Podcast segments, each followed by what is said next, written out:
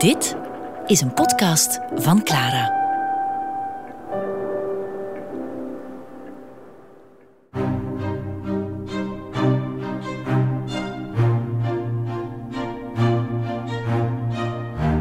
Zijdenkers. Met Greet van Tienen. Ja, goedemiddag en welkom. Wat is een goed leven of een rechtvaardige samenleving? Wat is de mens? Dat zijn de grote vragen waarover de filosofie zich al eeuwenlang buigt. Maar de filosofie houdt soms te zeer de deuren gesloten voor andere perspectieven op de wereld. Of zoals de Amerikaans-Indiaanse filosoof Viola Cordova schreef. De student uit een minderheid heeft niet enkel het recht om zich in het filosofische gesprek te mengen, maar de plicht om dat te doen. En departementen filosofie moeten hun deuren openen voor de nieuwe vragen die gesteld worden door personen die voordien afwezig waren. Dat nalaten zou van al hun argumenten over de waardigheid en waarde van mensen en hun gemeenschap een louter intellectuele oefening maken. Welkom, Graas Jaco. Je bent filosoof, studeerde filosofie en politieke wetenschappen in Amsterdam en Parijs. Bent nog aan je doctoraat bezig. Je bent gespecialiseerd in Afrikaanse filosofie. Herken je jezelf een beetje in wat Cordova daar zegt? Um, ja, zeker. Omdat ook ik, uh, toen ik aanvankelijk begon uh, met mijn studie filosofie, ik ook voornamelijk op zoek was naar denkers. Het gaat er niet alleen om dat ze zich een beetje bezighouden, dat ze zich bezighouden met de vraagstukken waar ik me mee bezighoud, maar dan ook oog hadden voor de perspectief van uh, waaruit uh, ik denk. Een Afrikaans perspectief of uh, een Global South perspective, waarom het, het vanuit dat perspectief belangrijk is om over het kolonialisme na te gaan denken het is niet zo dat die denkers het voor het grijpen lag. Mm Nu, jij bent van Congolese afkomst, in Nederland geboren. Ja. Um, waren er aan jouw faculteit filosofie nog uh, studenten die niet-westerse wortels hadden? Het waren er eigenlijk vrij weinig. Ja? In Parijs waren het, al, waren het er al meer dan in, in Amsterdam. Dat komt ook doordat de studie filosofie in Parijs toch meer mainstream is dan in Amsterdam alle kleuren, maten, noem maar op. Maar ook gewoon qua sociale, qua sociale klasse zag je, alle, zag je verschillende, uh, verschillende soorten mensen. Dat komt ook omdat in Parijs is het zo dat de studie filosofie ook een, een verplicht onderdeel is bij het eindexamen. Mhm. En dat is, in, dat is in Nederland niet zo. Het is niet zo dat je als student, als je aan het, aan het VWO of gymnasium um, het gymnasium hebt afgerond, dat je noodzakelijk in aanraking bent gekomen met de filosofie. Er zijn een beperkt aantal middelbare scholen in Nederland die het vak, uh, die het als schoolvak aanbieden, waardoor er ook minder mensen, minder studenten zijn die er een weg naartoe vinden. Ik had mhm. toevallig ik heb toevallig uh, filosofie gehad op de middelbare school, waardoor ik het als een optie zag uh, toen, ik, uh, toen ik op zoek ging naar verdieping, zag ik het dus van, als vanzelfsprekend als een optie. Maar, dat, maar, maar niet alle studenten vinden die weg. Nee. Ja, mooi. Uh, maar hoe ben je ooit bij de filosofie terechtgekomen? Je hebt eerst politieke wetenschappen gestudeerd. Ja, Kwam je daar iets tekort? Wat zocht je nog? Ja, politieke theorie, dat is zeg maar meer de, toch al meer de filosofische, abstracte kant van de politicologie, politieke wetenschappen. Maar ik merkte dat ik alsnog mijn ei niet kwijt kon, zeg maar. Um, uh, in de zin van, ik ben politieke wetenschappen gaan studeren... omdat ik zelf wilde gaan nadenken over ook de situatie in Congo onder andere. Ik vond dat ik aan de hand van de theorieën die wij, die wij onderwezen kregen... Als, dat, dat ik alsnog niet in staat was om de situatie in Congo goed te begrijpen. Uh, omdat we eigenlijk al werkten met concepten... maar dan verder niet gingen nadenken over deze concepten. En dan dacht ik dacht van, oké, maar dat de concepten waar we nu mee werken, die dekken de lading niet voldoende. En toen moest ik zelf nadenken over mijn eigen middelbare schooltijd, waarbij ik dus eh, onder andere uh, een filosofie als schoolvak had gehad. En ik had het ook een keer al als keuzevak gevolgd op de universiteit. En dacht van oké, maar dat uh, bij filosofie is juist de plek waar je in plaats van uh, te gaan werken met ready-made ready theories, dat je zelf gaat nadenken over die theorieën. Voilà, wat erachter steekt. Ja, ja. Was je als kind al zo iemand die alles in vraag stelde? Uh, ja, maar ik denk dat... Ja, vroeger stond ik er niet bij stil dat dat bijzonder was of zo. En ik dacht van, oké, dat is gewoon wat alle, alle kinderen doen. Kinderen zijn gewoon irritante vraagstellers of zo. maar uh, ik merkte wel gauw inderdaad dat... Um, tenminste, dat volwassenen mij toch wel iets irritanter vonden dan andere kinderen. Dus inderdaad dat ik, heel, dat ik de neiging had om inderdaad heel veel vragen te stellen. Heel veel boeken te lezen uh, in mijn vrije tijd. En... Uh, ja, en dat het, dat het eigenlijk altijd bij mij is gebleven. Hm. Ja, en ook de behoefte om dingen beter en dieper, diepgaander te kunnen begrijpen. Nu, Daarmee sta je zeker niet alleen, uh, want de vrouw die ik daarnet uh, vermeldde, Viola Cordova, de Amerikaans-Indiaanse filosoof, uh, die had net hetzelfde. Ze zegt daarover, toen ik opgroeide stelde ik vragen over het feit dat er rond bepaalde thema's andere verwachtingen waren. En mijn familie zei dan, ja, zij, de witte mensen, hebben daar een ander idee over. Dat ging over definities, beschrijvingen en zelfs houdingen tegenover mensen en over, tegenover de wereld. En mijn vraag werd dan, zegt ze, waar komen die ideeën en concepten vandaan? De gedachte dat ideeën een oorsprong hebben, leiden me naar de filosofie. Dus eigenlijk bijna wat jij zegt. Ja, ja. Voor mij was het ook zo dat we dan bijvoorbeeld... Uh dan werkten we met een denker als Peter Singer bij uh, politieke wetenschappen. Het boek dat we van hem moesten lezen was dan One World. Uh, ik weet niet of u daar bekend mee bent. Peter uh, Singer wel, maar ja. dat boek heb ik niet gelezen. Ja, dat boek moesten wij lezen voor het vak. dat heet Democratische Samenlevingen. En, One World gaat al uit van één universeel ja, begrip? Ja, dat universele, dat is dan ook zijn de boodschap dat hij dan uit, uitdroeg voor het uh, oplossen van problemen zoals armoede, zo, uh, zoals conflicten. En dat ik dacht van ja, maar dat klinkt heel mooi. Maar ik zie zelf dat dit niet aan de, aan de hand is momenteel in de wereld. Want als je dan kijkt hoe, hoe uh, verschillende conflicten worden behandeld, niet alleen in de media, maar ook de urgentie die het bij uh, die het bij kijkers heeft, dan zie je dat het al heel gauw dat wanneer iets in Afrika gebeurt, het voor veel mensen toch een ver van een bedshow af is dan wanneer iets in Parijs gebeurt. Dus ik vond het geen eerlijke manier om naar de wereld te kijken. Mm Jij wil van, en veel andere nieuwe stemmen willen vanuit een diverse uh, situatie naar de wereld kijken, ja. kan ik me indenken. Nu, om even terug te gaan naar wat eh, Cordova zei, van, uh, dat er behoefte was aan nieuwe stemmen die vroeger niet gehoord werden, dat zij hun ervaring kunnen binnenbrengen in die filosofische denkprocessen en thema's. Nu, welke ervaringen breng jij mee van thuis? Jij bent dan in Nederland geboren. Ja. Kan je zeggen dat ze deel uitmaakten van de diaspora, van die verspreide uh, Congolese mensen die overal een thuis zochten buiten Congo? Ja, ze maakten inderdaad deel uit uh, van de Congolese diaspora. Wij zijn dan de enige die in Nederland terecht zijn gekomen. Ik heb voor de rest hebben heb ik... Um, veel Belgische familie? Ja, ja, ja, ik heb veel familie hier in België, inderdaad. In Brussel en in Luik. En ook, ook familie in Gent. En we hebben daarnaast ook veel familie in Frankrijk. En ook nog wat in Genève. Voornamelijk in Franstalige gebieden eigenlijk. Want uh, daarnaast hebben we ook dan uh, familie in Canada en Quebec. Ja. Wat heeft die, die kindertijd, dat opgroeien in, in dat Congolese gezin, wat heeft dat jou bijgebracht? Heb je een sterke vertrouwdheid met de geschiedenis en de gebeurtenissen in Congo? Ja, mijn ouders die hielden altijd uh, de situatie in Congo uh, nauwlettend bij. Ik weet ook de eerste keer, toen ik in groep 5 zat, ik weet niet wat groep 5 in België is, maar um, de leraar wilde ons uit, probeerde ons uit te leggen hoe het nieuws in elkaar zit, hoe het nieuws werkt. dus moesten we allemaal een nepnieuwsbericht uh, schrijven. Gewoon iets wat je, leuk, wat, wat je leuk vond om op te schrijven. En dan uh, voordragen. En dan zou de leraar het filmen. En dan uh, zouden het achteraf alles bij elkaar geplakt, bekijken alsof, uh, alsof het een nieuwsuitzending was.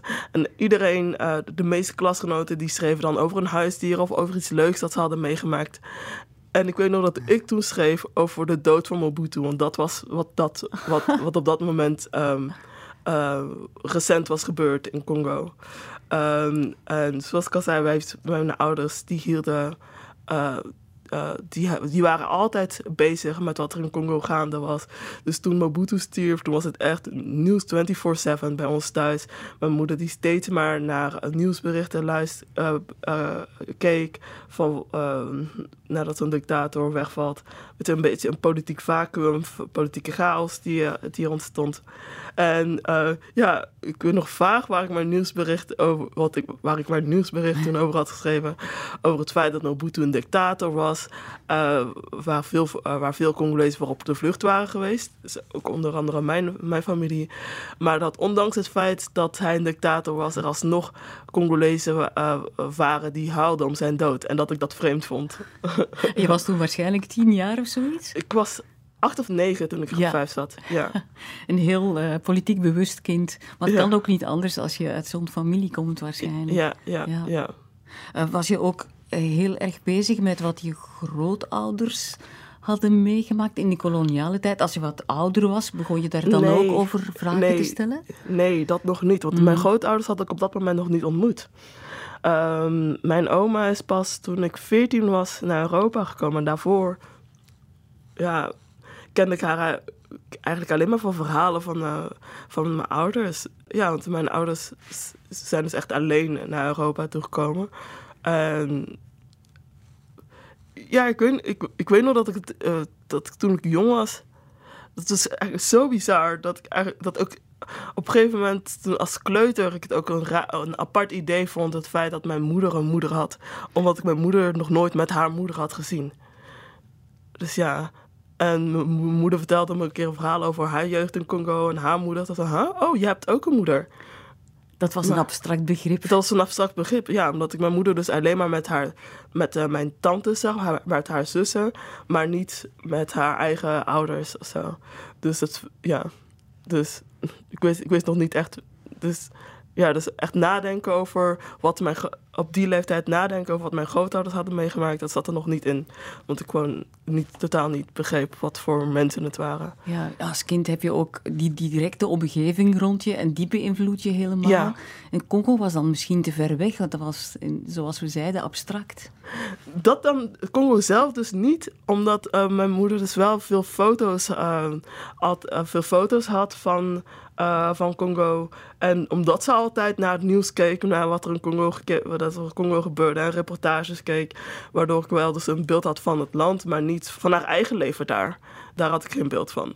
Ja, en wel eens home video's. Als mijn, vader was dan een keer in Congo geweest, uh, op, bij familie op bezoek en had daar. Uh, en had, had daar gefilmd en dat, dat, dat, die home video hadden we dan nog thuis zitten kijken en zo. Dus van het land zelf uh, had ik wel een soort van beeld van. Maar niet zozeer van het leven dat mijn ouders daar, daar zouden hebben geleid. Dat bleef veel te abstract. Ja, uh, we gaan even terug naar wat je daar straks zei over concepten willen begrijpen. Je bent Nederlandse, maar toch met een hele zware Congolese invloed natuurlijk. Dat kan niet anders. En uh, er is de Nigeriaanse denker en socioloog Oyeronke Oyewumi, die je ja. heel goed kent, denk ik. Uh, zij begon sociologie te studeren in Amerika en toen begon ze pas te begrijpen hoe de categorieën ras en gender bezet zijn door de westerse kijk op de wereld, vertelt ze hier in dit fragment.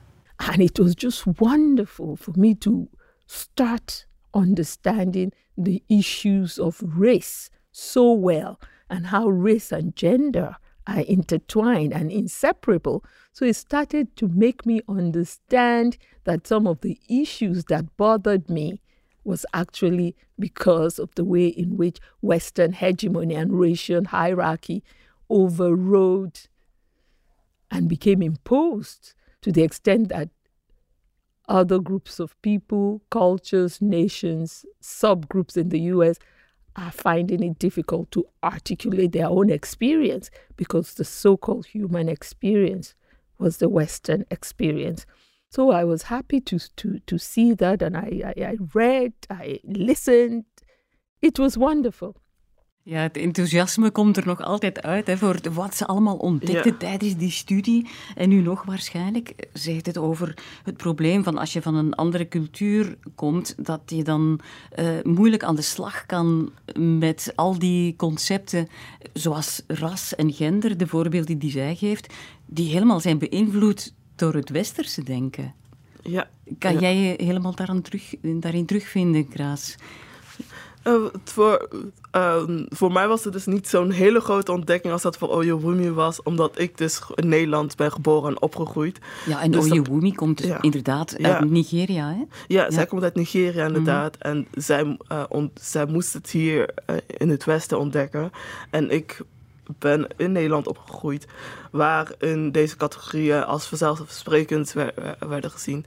Maar wat ik wel opmerkelijk vond, is dat in de. Want thuis spraken we dan. eh, eh, eh, voor- vooral toen ik jonger was, spraken we thuis veel, heel, veel, veel Frans. En ook mijn moeder sprak ook Lingala met ons. En dan. Spreek je nog Lingala? Ja, maar ik spreek het niet zo vloeiend als mijn moeder natuurlijk. En mijn Frans is beter dan mijn Lingala, omdat ik omdat mijn moeder voornamelijk Frans met ons sprak en het Lingala vooral naar boven kwam als ze boos op ons was. dus ja, ehm, maar eh, in het Lingala, dat, dat mijn ouders dan vooral, vooral ook onderling met elkaar spraken, of met, als ze met, eh, met familieleden, met hun zussen, et cetera, spraken daarin merkte ik veel van de dingen waar, die, waar ook over schrijft. Ehm, over hoe je, je, je, beschrijft het dan eh, met betrekking tot de Yoruba. En hoe je in de Yoruba-taal geen woorden hebt voor zoon, dochter, broer en zus. En dat heb je in Lingala ook niet. Hmm, Dus- Geen seksenverschillen. Ja, in het Lingala is in plaats van dat je het, weet je, het hebt over broer en zus, dan heb je alleen het woord likkie, wat zoiets is als sibling in het Engels. En, eh, en precies hetzelfde geldt voor eh, zoon, dochter. Je hebt gewoon het woord mwana, wat zoiets betekent gewoon als kind. Maar dat het dus geen gegenderde vorm is. En dat vond ik toen juist eh, door, door het werk van Oyumi, Oyumi ben ik ook dus eh, beter gaan nadenken over de implicaties inderdaad die het dan ook heeft, de dingen die ik terugzag in, in het Lingala ook. En ja, het en het is niet alleen Oyewumi, maar je hebt ook bedenkers, ook iemand als Zegu, die dan, die, eh, en Ifia Madiume, die dan dergelijk onderzoek hebben gedaan en eh, dezelfde constateringen hebben ondervonden, maar dan niet bij de, zozeer bij de Yoruba, maar dan bij de Igbo. Eh, ik vond het een, eh, ja, heel interessant, eh, want uh, Yomi zegt, dus dat, zegt dan ook dat het niet alleen maar... Zij heeft het dan over de Yoruba, omdat dat is haar... eh, eh, waar, eh, waar zij onderzoek naar heeft gedaan. Maar ze stelt dat het dus in veel verschillende Afrikaanse culturen... dezelfde eh, structuren, dezelfde mechanismen eh, zo werken. En... En ik vind het, ik vind het daarom ook interessant. Ik vind eh, dat, dat er ook veel meer van dat soort onderzoeken ook moet worden gedaan. Dan niet, zij heeft het al bij de Yoruba gedaan, maar ik zou, ik zou het ook heel interessant vinden als het dan ook, als men dit ook, eh, dergelijke onderzoeken ook in Congo en andere Centraal-Afrikaanse landen zouden doen. Ja, misschien ligt daar nog een eh, opdracht voor jou, Ja, op jou te wachten. inderdaad. Wie weet. Nu, als je dan uiteindelijk begon filosofie te studeren, omdat je zozeer op zoek was naar wat er nog in en achter zat, achter die begrippen, eh, dan kreeg je de vaste kanon te lezen waarschijnlijk. Waren daar dan toch mensen bij met wie, met wie je een verband had, waar je iets voelde, daar kan ik iets mee? Ja, ik had dat eh, met het werk van Simone de Beauvoir. Ehm, juist omdat eh, Simone de Beauvoir en ook de Franse existentialisten, ehm, vanwege het belang dat zij ook hechten aan de, aan de geleefde ervaring, dacht ik dat dit eigenlijk alsnog een, een mogelijkheid creëerde.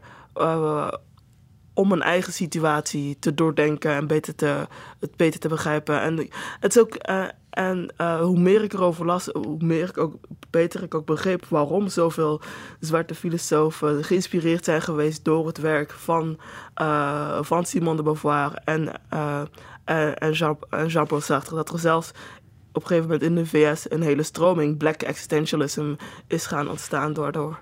Ah ja, ja. Ja. zwart existentialisme, Ja, ja. gebaseerd op wat zij geschreven en gedacht hadden, maar dan helemaal naar de zwarte ervaring Ja, getrokken. ja, dus dat je, eh, ja, inderdaad, dat je, eh, dus, dus dat, dat, eh, dat je dus aan de hand van het existentialisme dat, dat, dan, dat dan aangrijpen om de zwarte ervaring in, in de VS eh, te kunnen theoretiseren. Mhm. Ehm, En daarmee eigenlijk al vo voortbouwend op, uh, op het werk van Frans Fanon. Want Frans Fanon Psychiater en denker? Psychiater en denker. Inderdaad ook zeer sterk beïnvloed geweest door het werk, uh, door de existentialisten, door het werk van Simone de Beauvoir, maar ook vooral dat, het werk, in zijn geval het werk van, uh, van Jean-Paul Sartre en dan met name dienst Pour la question juive. Sartre's analyse over het antisemitisme. Ja, de, analytische kader die hij dan ook vervolgens meeneemt in Peau Noire, Masque Blanc. Uh, mm -hmm een van zijn eerdere uh, eerste werken. Nu, uh, je vertaalde pas over het kolonialisme van dichter en denker Aimé Césaire, ja. uh, iemand van Martinique afkomstig. En ik heb hier een fragment klaarstaan waarin hij vertelt over de grote invloed die Senegalees staatsman en filosoof Léopold Senghor op hem had. On parlait de tout, on parlait beaucoup de philosophie, et euh, la chose la plus frappante, c'est que surtout on parlait de nous, on parlait négritude. Et la rencontre avec Senghor a vraiment été pour moi déterminante parce que euh, si j'étais à la Martinique en état vague d'insatisfaction, je ne savais pas très bien ce qui me manquait. J'ai très bien compris quand j'ai rencontré Senghor. C'est lui qui m'a révélé le manque que je ressentais à la Martinique. Et bien tout simplement, c'était qu'il me révélait un petit peu tout ce monde noir qui était complètement occulté à la Martinique. Il euh, m'apportait une certaine connaissance de l'Afrique et à l'entendre, à l'écouter, à lire les lectures qu'il me suggérait, eh bien, je me suis rendu compte que par le détour de l'Afrique, c'est moi-même que je retrouvais. Ja, mooi hoe jij dat zegt. Par le détour de l'Afrique, dus door een omweg te maken langs Afrika, leerde hij om zichzelf te vinden. Ja, ja. Voor mijn vertaling over het kolonialisme heb ik ook de inleiding geschreven. Daar we dus opnieuw gaan verdiepen in het leven van Césaire. Ik vond het toch ook grappig om... Um, grappig, misschien een verkeerd woord, maar om te moeten constateren dat hij eigenlijk dezelfde weg heeft moeten doorstaan als vele zwarte studenten. Omdat, ja, ja, vele zwarte studenten nu. Omdat uh, hij heeft dus uh, eerst aan Lycée Louis le Grand uh, op school gezeten bij aankomst in Parijs. Om, om um, klas préparatoire te kunnen vo te volgen voor toelating tot École Normale Supérieure. En daar ook voornamelijk de klassiek, Euro klassieke Europese kanon uh, moeten bestuderen. En uh, zoals wij, zoals ik eigenlijk ook voornamelijk bij mijn studie uh, een westerse kanon tegenkwam. En dat er eigenlijk vrij weinig ruimte was om om in aanraking te komen met Afrikaanse denkers, met Afrikaanse schrijvers. Het was voor hem niet anders. En dat hij daarom die ook zoveel had aan die gesprekken met Leopold, met Leopold Senghor, omdat, uh, dankzij wie hij veel over Afrika leerde, uh, veel over het kolonialisme leerde. Iets wat hij daarvoor, ook tijdens zijn jeugd in, in, op Martinique, waar hij dus ook vooral namelijk een klassieke Franse opleiding heeft genoten, uh, weinig mee in aanraking was gekomen. Omdat, uh, zoals hij zelf ook beschrijft, hoe alles, um, alles wat, wat Afrikaans was, dat werd als, um, dat werd als minder, minderwaardig gezien. En dankzij gesprekken met Leopold Senghor um, en ook salons die op dat moment door zwarte studenten werd, werden georganiseerd, raakte hij in aanraking met niet alleen Afrikaanse, Afrikaanse geschiedenis, koloniale geschiedenis, maar ook zwart-Amerikaanse auteurs zoals Langston Hughes en Claude McKay. Iets waardoor, waardoor hij een zwart, uh, een zwart bewustzijn kreeg, ja. uh, ont, ontwikkelde. Ja, je hoort hem ook het woord negritude gebruiken. Ja. Is dat een term die hij gemunt heeft? Hij heeft, deze, hij heeft de term gemunt. Het idee achter, achter negritude, dat, uh, dat was al gaan ontstaan vanwege de verschillende zwarte studenten uit verschillende uh, Franse koloniën die op dat moment in Parijs uh, leefden en, en, bij elkaar kwamen. En dat ze samen, dat met name, het zijn dan met name de, zus, de zussen uh, Paul en Jane Nardal, die dan in hun salons al zwarte literatuur, voornamelijk zwarte Amerikaanse literatuur van de Harlem Renaissance, met elkaar bespraken, met, bestudeerden. en daardoor een, een zwart bewustzijn uh, cultiveren. Maar het was, maar het was Aimé Césaire die, dan, die de term negritude ook echt heeft gemunt. En, dat, en dan met name in Cahiers de Retour au Pays Natal waarin voor het eerst voor een groot publiek de term negritude uh, terug te zien viel. Een heel belangrijk moment waarschijnlijk. Nu, uh, we gaan even naar de muziek. De Congolese zanger Joseph Kabasele was bekend als Le Grand Calais, geboren in Matadi, toen nog Belgisch Congo en gestorven in Parijs. Uh, hier zingt hij samen met zijn band L'African Jazz Merengue Fontaine.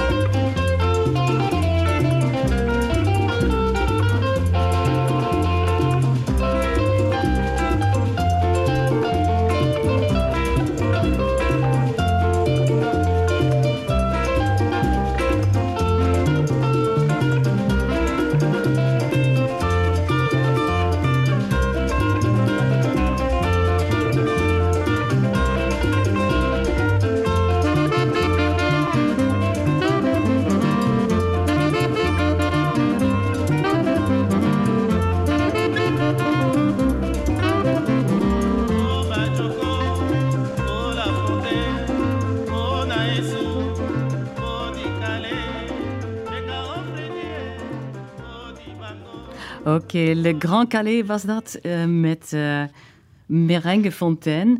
Uh, hij was de eerste muzikant trouwens die Cubaanse ritmes mixte met een Afrikaanse beat. Heel mooi. Grace, je zei daar straks dat Simone de Beauvoir je zo geweldig aansprak. Ik heb hier een heel klein fragment van haar klaarstaan in een interview uit 1959, waarin ze het heeft over dat een uh, natuur humaine zo, zoals overal hetzelfde zou zijn, waarin ze zegt dat de natuur humain, dat het volgens haar niet bestaat. Je ne crois pas d'une manière générale en l'existence d'une nature humaine. Je crois que l'homme dépend des conditions, de toute espèce de conditions, à la fois physiologiques bien entendu, et à la fois de, de lieux, de temps, de civilisation, de techniques, etc., etc. Et vous vous révoltez dans le deuxième sexe contre les, la condition féminine actuelle je ne me révolte pas exactement. Je pense que. Oui, c'est même pas exactement une protestation, j'essaie surtout de la décrire. Ja, ze wil niet zozeer de dingen aanklagen als wel die situatie beschrijven, omdat het belangrijk is, zegt ze later in dat interview, om je bewust te zijn van wat er is. Ja. Was het dat net wat jou aansprak? Ja, ja, ja. Want ik moest, dus, ik moest dus helemaal niks hebben van mensen die... Uh, uh, van al die auteurs en denkers, filosofen, uh, die het dan inderdaad hadden over de. die het constant hadden over de mens en over de menselijke natuur. Maar dan bij, daarbij opvallend vaak het nooit leken te hebben over verschillende situaties waarin reële mensen in hun levens mee werden geconfronteerd. Dat is ook iets waarom uh, de Jamaicaanse Amerikaanse filosoof uh, Charles Mills uh, veel van de, deze denkers verwijt. Dat is bijvoorbeeld dat ze hetzelfde hebben over bijvoorbeeld zoiets als racisme. Ehm, terwijl dat voor veel mensen iets. Het is niet zomaar een abstract begrip is. Het is iets waar veel mensen uh, in hun dagelijks leven mee, zijn mee worden geconfronteerd. Dat dus ook een reële impact heeft op hun leven. En, uh, maar wanneer zo'n denker dat dat volledig achterwege laat, hoe kan zo'n denker dan het over het leven gaan hebben? En, uh, je, je, voelde, je dacht soms misschien dat er geen plaats was voor jou in de filosofie. Ja, inderdaad. Het is, ze, had, ze had het dan niet over uh, ras, thema's zoals racisme, seksisme uh, of, of, kolonialisme kwamen dan helemaal niet aan bod bij een denker zo, zoals Pieter Singer, maar dan, voor, maar dan wel een grote morele theorie willen neerpennen. Hoe dan? Hoe kan je dan het hebben over het leven uh, als je geen rekening houdt met, met dingen zoals uh, racisme, seksisme, waar veel men, dat een enorme grote impact heeft op het leven van zoveel mensen. En dan zag ik bij, bij, en dan, dan zag ik bij Simone de Beauvoir dat zij bijvoorbeeld het eerste deel van Pleidooi voor een moraal der dubbelzinnigheid, dat, zij dan, wat, wat zij, dat zij dan zegt voor het existentialisme echter is niet de onpersoonlijke, algemene mens de bron van alle waarden, maar de pluraliteit van de concrete, afzonderlijke mensen die zich op hun eigen doelen richten, uitgaande van situaties waarvan de particulariteit even radicaal, even onherleidbaar is als de, subjectiviteit zelf. En um, dus en, eh, en, dat ze het dan heeft over hoe een moraal ontstaat, ontstaat pas daar waar een probleem moet worden opgelost. En dan dacht ik van oké, nee, hier kan ik dan wat mee. Want als dan voor mij, in, in mijn geval, het probleem uh, kolonialisme is, dan, kan ik dus aan de hand daarvan mijn situatie doordenken. En dat, aan de hand daarvan moreel gaan denken. In plaats van dat het al van boven een algemeen abstracte moraal zou bestaan. Mm Herinner je nog de eerste keer dat je die tekst las? Uh, dat was in mijn eerste jaar politicologie. Ja, ja. En wat, uh, weet je nog wat je dacht? Wat, of werd je daar blij van? Ik werd er heel blij van. Ik dacht van, oké, en, eh, ik vond, en, en daardoor ben ik juist gaan nadenken van, oké, nee, misschien moet ik dan toch meer met filosofie. Want hoezo, um, hoe komt het dat ik dan, um, dat de theorieën waar ik nu mijn huidige studie um, uh, moet gaan bestuderen waarom weten die de, dingen niet op, ons, op een manier zo helder voor mij te brengen als een boek dat ik voor mijn plezier aan het lezen ben. Want Simone de Beauvoir las ik op dat moment gewoon voor mijn eigen plezier. Uh, het, is niet, het, is niet, het, alsof het op een leeslijst van een, uh, op, een leeslijst zat van een vak dat ik moest volgen. Ik, had het ik was gewoon een keer in een boekenwinkel gegaan en ben, waarbij ik ben gaan rondneuzen over um, dingen die me interessant leken. En toen, toen ik erin begon, toen, en toen begon ik erin te lezen. En dacht van, oh wauw, nee, hier kan ik wat mee. Dus dat vond ik zo mooi. En ook, um, en ook wat ze dan, uh, uh, wat ze later in het boek zegt. Um, um, waarbij ze dus verder gaat over uh, de mens in situatie. Dus waarbij ze zegt dan. Maar de mens is altijd een mens in situatie en de specificiteit van zijn situatie is nu juist een algemeen feit. Er zijn mensen die hulp verwachten van bepaalde mensen en niet van anderen. En deze verwachtingen geven geprivilegeerde lijnen van actie aan. Het is juist dat de zwarte persoon voor de zwarte persoon strijdt, de jood voor de jood, de proletariër voor de proletariër, de Spanjaard in Spanje. Alleen moet de erkenning van deze specifieke banden van solidariteit niet in tegenspraak zijn met de wil tot universele solidariteit en moet elke beperkte onderneming tevens geopend zijn naar de mensen in hun totaliteit. En dat vond ik dus zo mooi. mooi. Ja. ja, zegt ze dan eigenlijk, als er plaats is voor ieders ervaring, kunnen we ook een internationale solidariteit bedenken die geldig is, omdat die vertrekt vanuit de realiteit. Ja, ja. en toen dacht ik van, uh, en, en uiteindelijk dat je ook ziet hoeveel um, zwarte denkers en zwarte activisten dat al jarenlang zo hebben gedaan. Want als je dan kijkt naar mensen, eh, groepen zoals de Black Panthers, die dan inderdaad vanuit hun eigen vertrekpositie van uh, hun zwarte ervaring in, in, uh, in, in de VS dan uiteindelijk de solidariteit zochten met andere groepen, met andere groepen in de VS, maar ook andere groepen internationaal gezien. Dat hij bijvoorbeeld ook solidariteit uh, zou hebben met de strijd van de Algerijnen tegen de Fransen. En dan van oké, nee, dus, dat, dus je ziet hoe dergelijke ideeën, dus juist inderdaad meer, juist beter aansluit op hoe de manier waarop uh, verschillende uh, gemarginaliseerde groepen. de situatie van verschillende gemarginaliseerde groepen, maar ook hoe de manier waarop zij al hun politi politiek bedreven.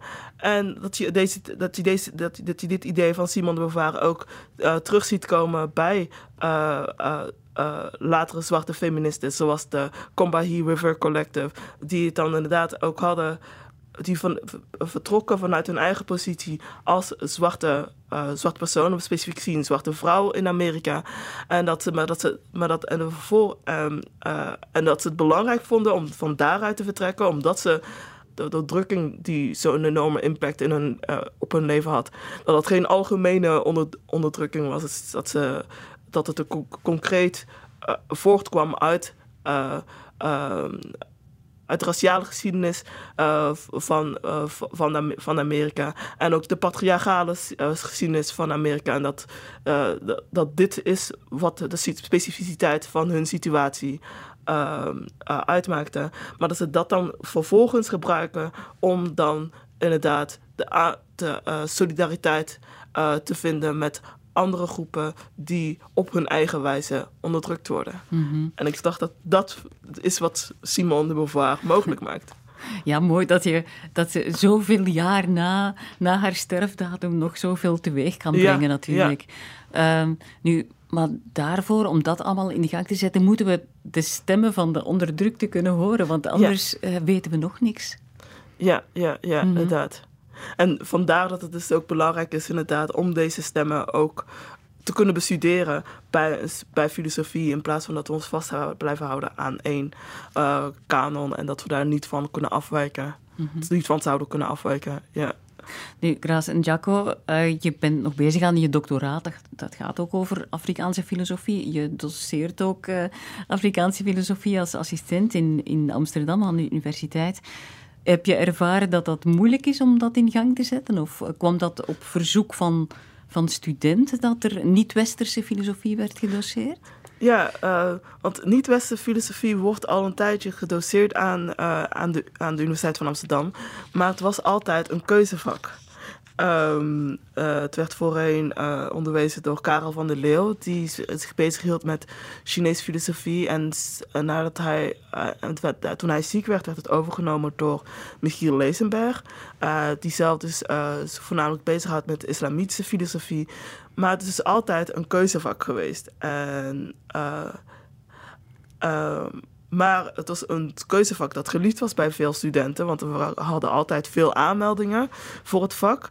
Uh, en dat was wat, wat opvallend was. Uh, en, dat, en dat de aanmeldingen niet alleen maar kwamen van filosofie-studenten, maar dat we ook studenten. Dat we ook sociologie studenten, dat er ook studenten sociologie bij ons kwamen, mensen van religiewetenschappen, mensen van geschiedenis, um, die dan om verschillende redenen hun uh, de weg naar dit vak uh, vonden. Uh, maar de feedback die we, die, we, die we dan altijd voornamelijk kregen, is dat ze, dat, altijd, dat ze het dan zo jammer vonden dat ze uh, in aanraking waren gekomen met heel veel verschillende denkers, maar daar vervolgens niks meer mee konden, omdat het het enige vak was. En het enige vak op de Universiteit van Amsterdam was. Waarbij niet-Europese, niet-Westerse uh, denkers werden bestudeerd. En dit was dan een, een, het is een bachelorsvak. Maar vervolgens, als, stel je, je vindt het heel interessant, je wilt er meer mee, dan kan er niks mee. Ehm, maar, ehm, dus ja, dat vonden ze dan heel jammer. En het is, het is door de jaren heen steeds populairder geworden. En uiteindelijk is het vanuit uh, protesten vanuit studenten uh, die ervoor hebben gezorgd uh, dat het vak uiteindelijk een verplicht vak is geworden. Omdat ja, wij zelf, de docenten zelf, wij hebben ons altijd hard voor gemaakt. Vooral Michiel Lezenberg en daarvoor al Karel van der Leeuw.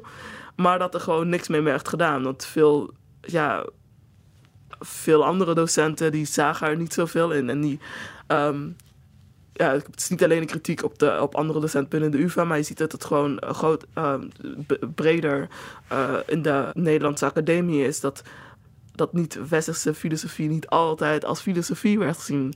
Uh, dus dat, het, dat, dat er een beetje op wordt neergekeken van ja, nee, weet je wel, Confucius leuk, maar eigenlijk, dat is niet echt filosofie, is meer een beetje tegeltjeswijsheid. Dus zo werd er dan uh, over gesproken. Ook toen ik zelf als student bezig was met, uh, met mijn studie Afrikaanse, met, met, met mijn scriptie over Afrikaanse filosofie, dat er door, weet je, dat er werd gedaan van ja, maar is dat een beetje opzij gezet ja, of weggelachen? Ja, is dat wel echte filosofie en ja.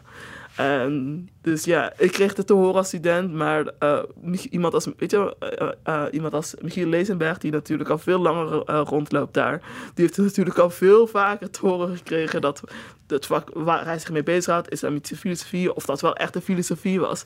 Maar dus wij, wij kunnen doen wat wij doen, maar wij werden dan worden dan niet, serieus, niet, zozeer, niet per se serieus genomen door onze collega's. Maar het is dus de, de studenten die zich er zo hard voor hebben gemaakt en die uiteindelijk resultaat hebben geboekt. Dankzij hen is het nu dus een verplicht vak aan de Universiteit van Amsterdam. Mooi. Uh, denk je dat het nog, uh, nog de goede kant op gaat? Dat er nog heel erg verandert hoe Afrikaanse filosofie een plaats vindt? Uh, um, je ziet dat er langzaamaan vooral van ja, van bottom-up eigenlijk, dat er, dat er heel veel verandering is. Want je ziet, want van, de, van studenten krijgen we altijd hele positieve feedback op, um, uh, op onze colleges. En uh, uh, dat zij het heel interessant vinden. Dus de, uh, dat zij het zo interessant vinden. Onder andere wanneer wij het met ze hebben over Oyewumi. Uh, dat ze het zo bijzonder vinden om op een andere manier naar een thematiek als gender te kunnen kijken. En uh, ja, dus ik, dus ik denk dat we het bij wat betreft Afrikaanse filosofie, dat we het dan voornamelijk daarvan moeten hebben. Van studenten die er open voor staan. dus bij de oude garde wat moeilijker. Want die, um, die hebben soms helaas nog gewoon hele vastgeroeste ideeën over wat filosofie hoort te zijn. En ja, en de, wat, de, wat, en dat geldt natuurlijk niet voor alle, al mijn collega's, gelukkig niet. Uh, je ziet dat, uh, maar wel voor sommigen. Maar langzaamaan, dankzij studenten, begint daar ook steeds meer verandering in te komen. En dat we nu ook steeds meer gaan nadenken, aan het nadenken zijn over um, manieren waarop we niet alleen Afrikaanse filosofie, maar ook andere niet-westerse tradities in het, binnen het uh, reguliere curriculum uh, kunnen krijgen. Dus dat je niet alleen over Chinese filosofie, islamitische filosofie of Afrikaanse filosofie bij ons vak hoort, maar dat je ook bij een bij een regulier vak over politieke filosofie bijvoorbeeld, uh, dan niet, uh, dat dan niet alleen gaat hebben over Rousseau en Hobbes, maar dat, maar dat een docent dan ook uh, een, een Confucius mee kan nemen en kijken hoe die denkt over bepaalde politieke, sociale en politieke kwesties. Een heel mooi toekomstbeeld. Ja. Hartelijk dank, Graas Jaco. U kan deze uitzending en de andere zijdenkers herbeluisteren via clara.be, de Clara-app of als podcast.